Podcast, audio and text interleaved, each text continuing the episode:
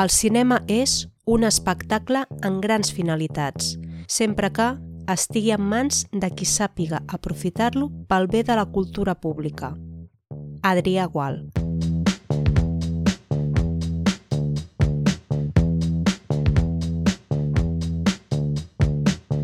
Mariana és una vídua molt ben acomodada. Viu amb la seva filla en un poble dels Pirineus. Durant una festa coneix el Silvestre, un jove pastor. S'enamoren i ben aviat es casen. Marianeta, la filla de Mariana, està promesa amb en l'abast, un jove molt guapo i molt presumit del poble.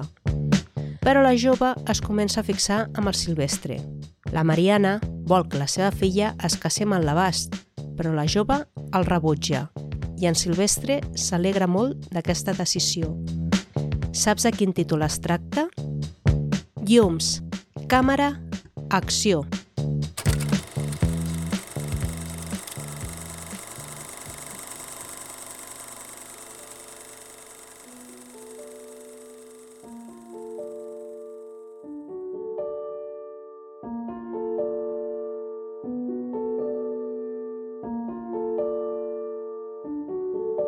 Hola a tothom, em dic Núria Nadal i et dono la benvinguda al podcast La Butaca Vermella, un podcast en què t'explicaré la història del cinema d'una manera una mica diferent.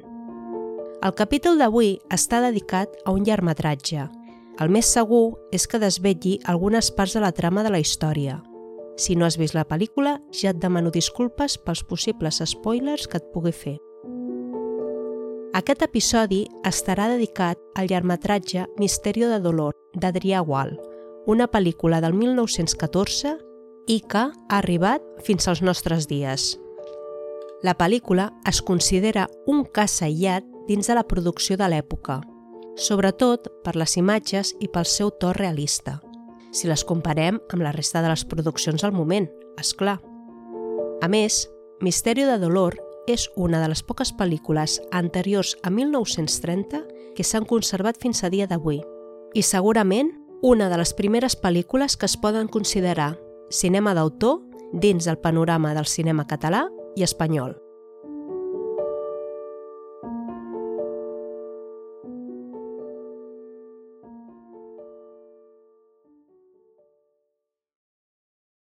Fitxa tècnica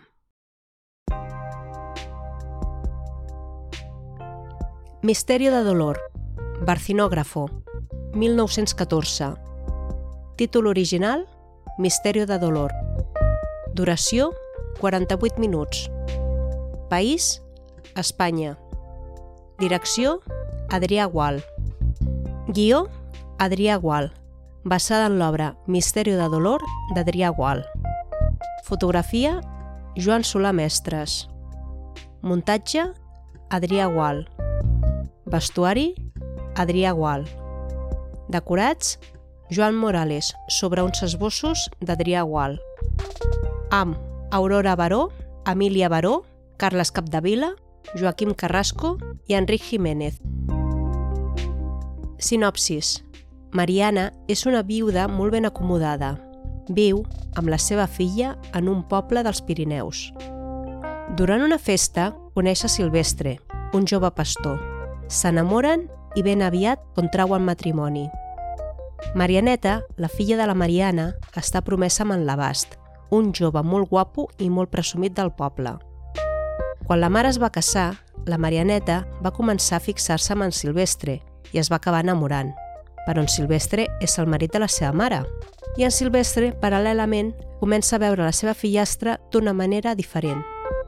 Mariana vol que la seva filla es casi amb en l'abast però la jove el rebutja i en Silvestre s'alegra molt d'aquesta decisió, perquè en Silvestre s'ha enamorat de la Marianeta. En l'abast, molt ofès, insulta a la jove Marianeta i en Silvestre surt a defensar-la.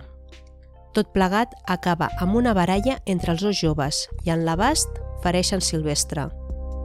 Silvestre torna a casa malferit i la Mariana marxa a buscar medicines pel seu marit, mentre que la Marianeta comença a vendar-li la ferida. En aquell moment esclata la passió entre tots dos i es fan un petó. però la Mariana ho veu tot.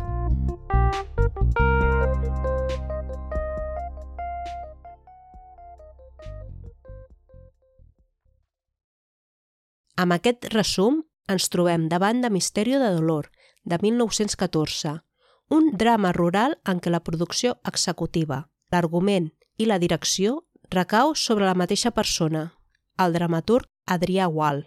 Això fa que Misterio de Dolor sigui una de les primeres pel·lícules d'autor possiblement de la història del cinema català i espanyol. Adrià Gual va ser un dramaturg, escenògraf i empresari teatral català, impulsor i director de l'Escola Catalana d'Art Dramàtic, pintor i pioner del cinema. Va fundar la companyia Teatre Íntim, una companyia de teatre que volia donar-li un nou aire al teatre català de l'època. El teatre íntim tenia la voluntat de donar al món teatral català la dignitat necessària i acostar-lo al que es feia en aquells moments a Europa. Això sí, sense renunciar a la tradició pròpia volia crear una forma dramàtica que també es pogués exportar a l'estranger. Gual va ser un artista molt polifacètic que, a banda de cultivar la dramatúrgia, també va escriure poesia i es va dedicar al món plàstic. Va treballar en la litografia, el cartellisme i el grafisme. De fet, es va centrar en un estil modernista típicament simbolista i és considerat un dels artistes gràfics més destacats del modernisme. També va dedicar el seu esforç a l'escenografia teatral. Per exemple, a la Biblioteca de Catalunya es conserven 12 plafons a l'oli que va pintar per l'Associació Wagneriana el 1902. Gual no només es va dedicar al món del teatre, sinó també va ser cineasta. Va treballar amb espectacles i audicions graner el 1904 i després va dirigir la productora Barcinógrafo, al 1914. De la Barcinógrafo en parlarem més endavant. I per cert, aquest 2022 es commemoren els 150 anys del seu naixement.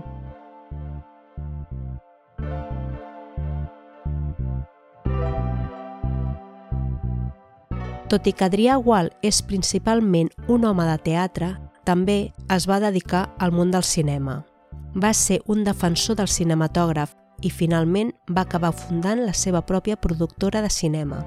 El tema és molt interessant, però avui no hi ha temps per poder aprofundir més sobre la figura d'Adrià Gual. Si t'agradaria que em parlés en un altre capítol amb més profunditat sobre Adrià Gual i els seus treballs, recorda que al lloc web labutacavermella.cat barra idees pots votar i proposar temes pels propers episodis.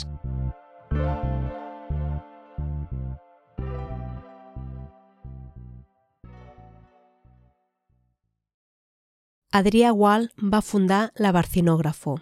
D'aquesta manera podria posar en pràctica totes les idees del teatre íntim en el món del cinema. El cinematógrafo, lejos de ser atacable y menospreciable por sistema, es un espectáculo llamado a elevados fines, cuando caiga por completo en manos de quien sepa aprovecharlo para el bien de la cultura pública. Adrià Gual, conferència pronunciada el 1911 a Terrassa a l'Associació Wagneriana local. Una declaració d'intencions molt a favor del cinema. I per si t'ho preguntes, doncs resulta que en aquell moment el cinema no estava massa ben vist entre els intel·lectuals de l'època. De fet, tant pels modernistes com pels noucentistes consideren que el cinema és un art de segona o de tercera categoria i que, més, desperta algunes passions no massa ben vistes. Hi ha una qüestió en el cinematògraf de les més alarmants, i és la del bes, que si bé crec que la sala Mercè el solen retallar. El principal fet que li objecto al cinematògraf és que, de 20 films, 19 acaben amb un bes. Odio aquest final petonejador de les coses. M'obsessiona. Josep Carné. El bes en el cinematògraf. Revista Catalunya. Juliol del 1913. Tornem a Catalunya.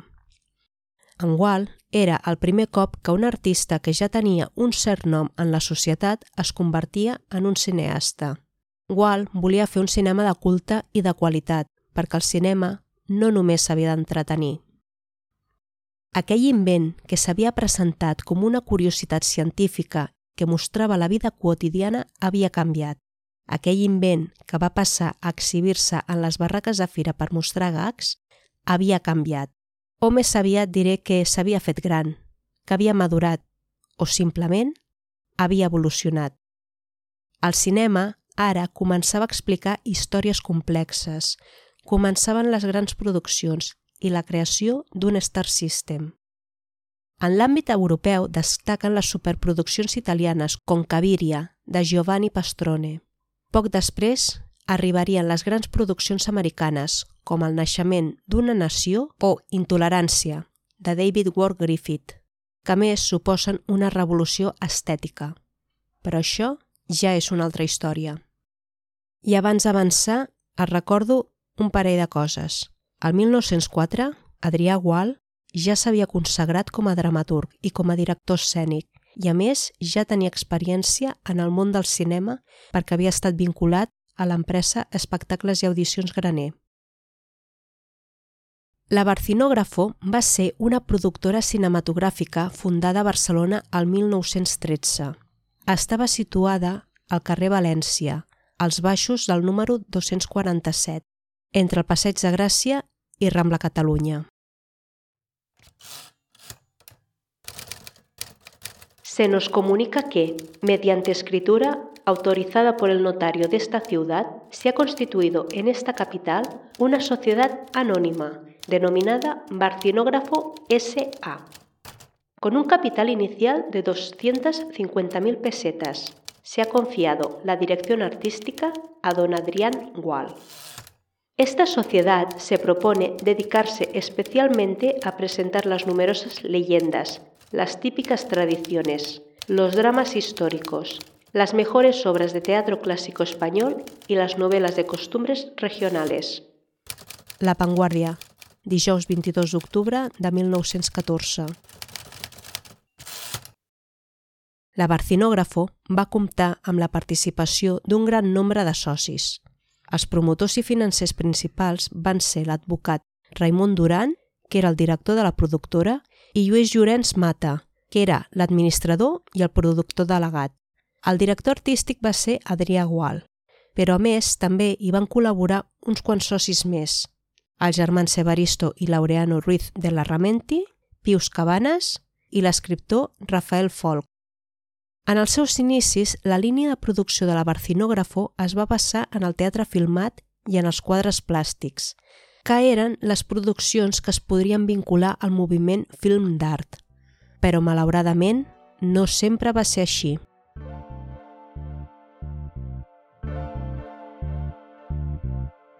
La història de la Barcinògrafo és molt interessant, però avui no hi ha temps per poder aprofundir més sobre la producció d'aquesta productora al llarg dels 5 anys que va estar en actiu. Si t'agradaria que en parlés en un altre capítol amb més profunditat, recorda que al lloc web labutacavermella.cat barra idees pots votar i proposar temes pels pròxims episodis.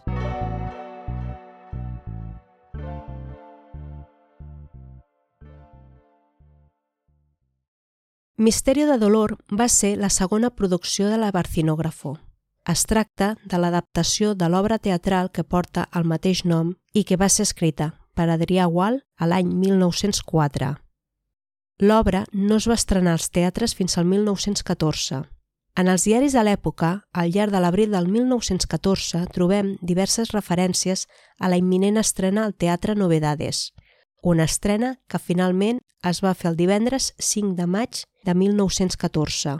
Això sí, en el seu moment, l'obra va triomfar en els teatres catalans i, com no, va ser acompanyada d'una polèmica, perquè feia poc que s'havia estrenat La Malquerida, una obra de Jacinto Benavente amb un argument que s'assembla molt al de Misterio de Dolor. La compañía de la señora Gómez Ferré ha reproducido el drama de Adrián Gual, Misterio de Dolor.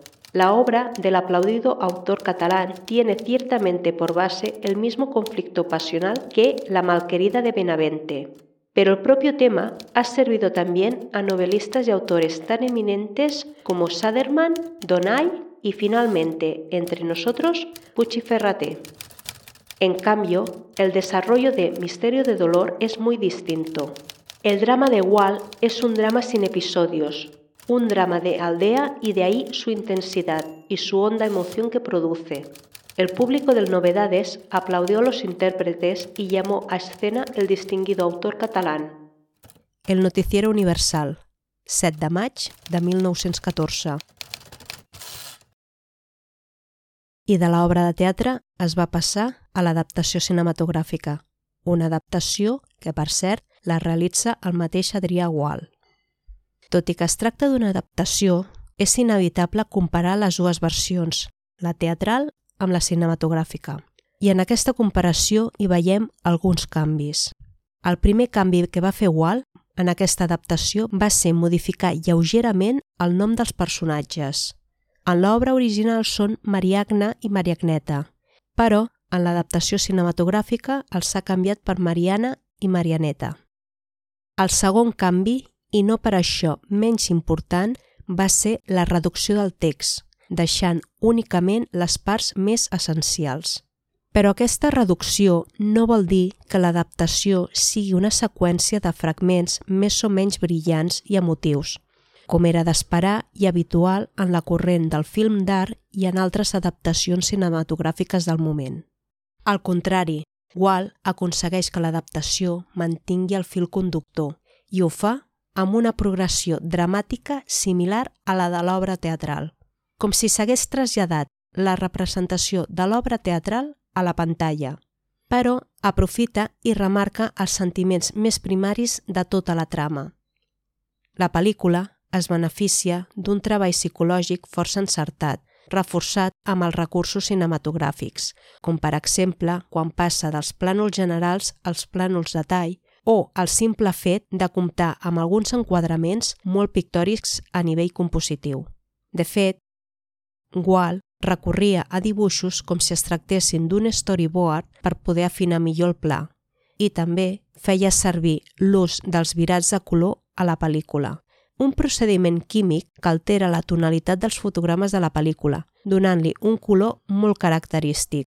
Aquests virats no només s'adapten a les indicacions horàries o geogràfiques de l'acció de la seqüència, sinó també als diversos moments de tensió psicològica, un altre punt molt important és l'elecció de l'equip de repartiment de la pel·lícula, sobretot perquè part d'aquest equip ja havia treballat anteriorment amb el director, amb Adrià Gual. És el cas de les germanes Baró, que ja havien participat en diverses funcions del teatre íntim i en els espectacles graner. També és el cas d'Enric Jiménez, que s'havia convertit en un indispensable secundari i, a més, ja havia participat en algunes produccions cinematogràfiques. L'estrena de Misterio de Dolor va ser un èxit. Es va estrenar molt probablement el dijous 14 de febrer de 1915 al Salón Catalunya i a partir de l'endemà, el dia 15 de febrer, a l'Ideal Cine. Misterio de Dolor, 900 metros. Hermosa adaptación de la aplaudida obra de Adrián Wall, de argumento interesante, inmejorable interpretación y de una fotografía perfecta. Se estrenarán además Agustina Suprema, 600 metros, Corazón de Apache, 600 metros y Los éxitos de ayer. Hoy, grandioso programa incomparable. El Noticiero Universal. Dijous, 18 de febrer 1915. Gran adaptación de la muy aplaudida obra de Adrián Wall, de argumento interesante y bien desarrollado, una fotografía perfecta y una interpretación admirable. Noticiero Universal, 20 de febrer 1915. En les revistes cinematogràfiques d'aquell moment es va iniciar una discussió sobre el valor de la pel·lícula i potser alguna cosa més. Tal i com t'he dit abans, en el moment d'estrenar l'obra teatral es va produir una petita polèmica, ja que van coincidir dues obres en el temps que tenien un argument molt similar. Una era La Malquerida, obra de Jacinto Benavente, i l'altra El misteri de dolor d'Adrià Gual. Doncs saps què va passar amb l'adaptació cinematogràfica? Que també va haver-hi polèmica, i a més, pel mateix motiu.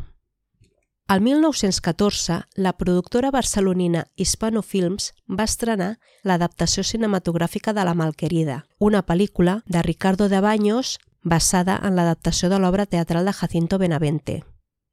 L'estrena a les sales de cinema es va fer dos mesos abans que s'estrenés Misterio de Dolor. Aquestes coincidències van fer créixer una enemistat entre Walt i Benavente. Walt considerava que l'autor madrileny l'havia copiat.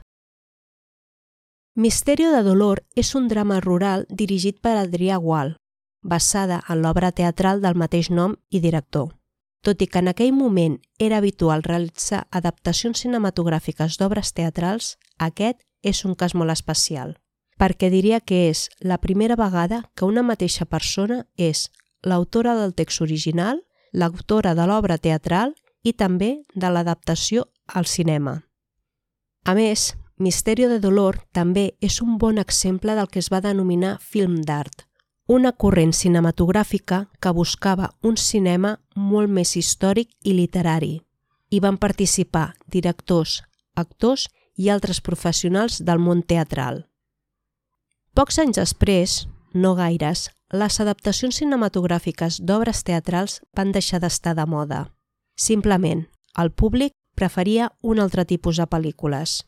I la Barcinógrafo va fer un gir cap a l'espanyolada, amb títols com La gitanilla, i Adrià Gual va deixar el cinema per sempre.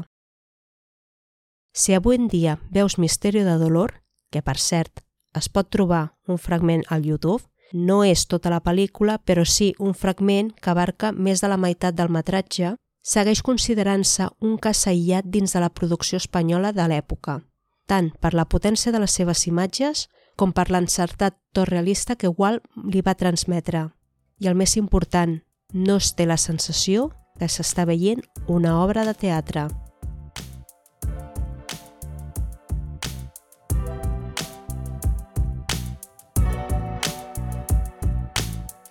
I fins aquí aquest episodi de la Butaca Vermella, en què he parlat de la pel·lícula Misterio de Dolor d'Adrià Gual. Espero que hagi estat interessant si t'ha agradat, no t'oblides de marcar amb 5 estrelles o la màxima valoració a Spotify o a la plataforma en què estiguis escoltant aquest episodi. Moltes gràcies per escoltar-me i per estar a l'altra banda. Recorda que al lloc web labutacavermella.cat pots trobar la transcripció d'aquest episodi i notes per poder ampliar la informació. A reveure i fins aviat!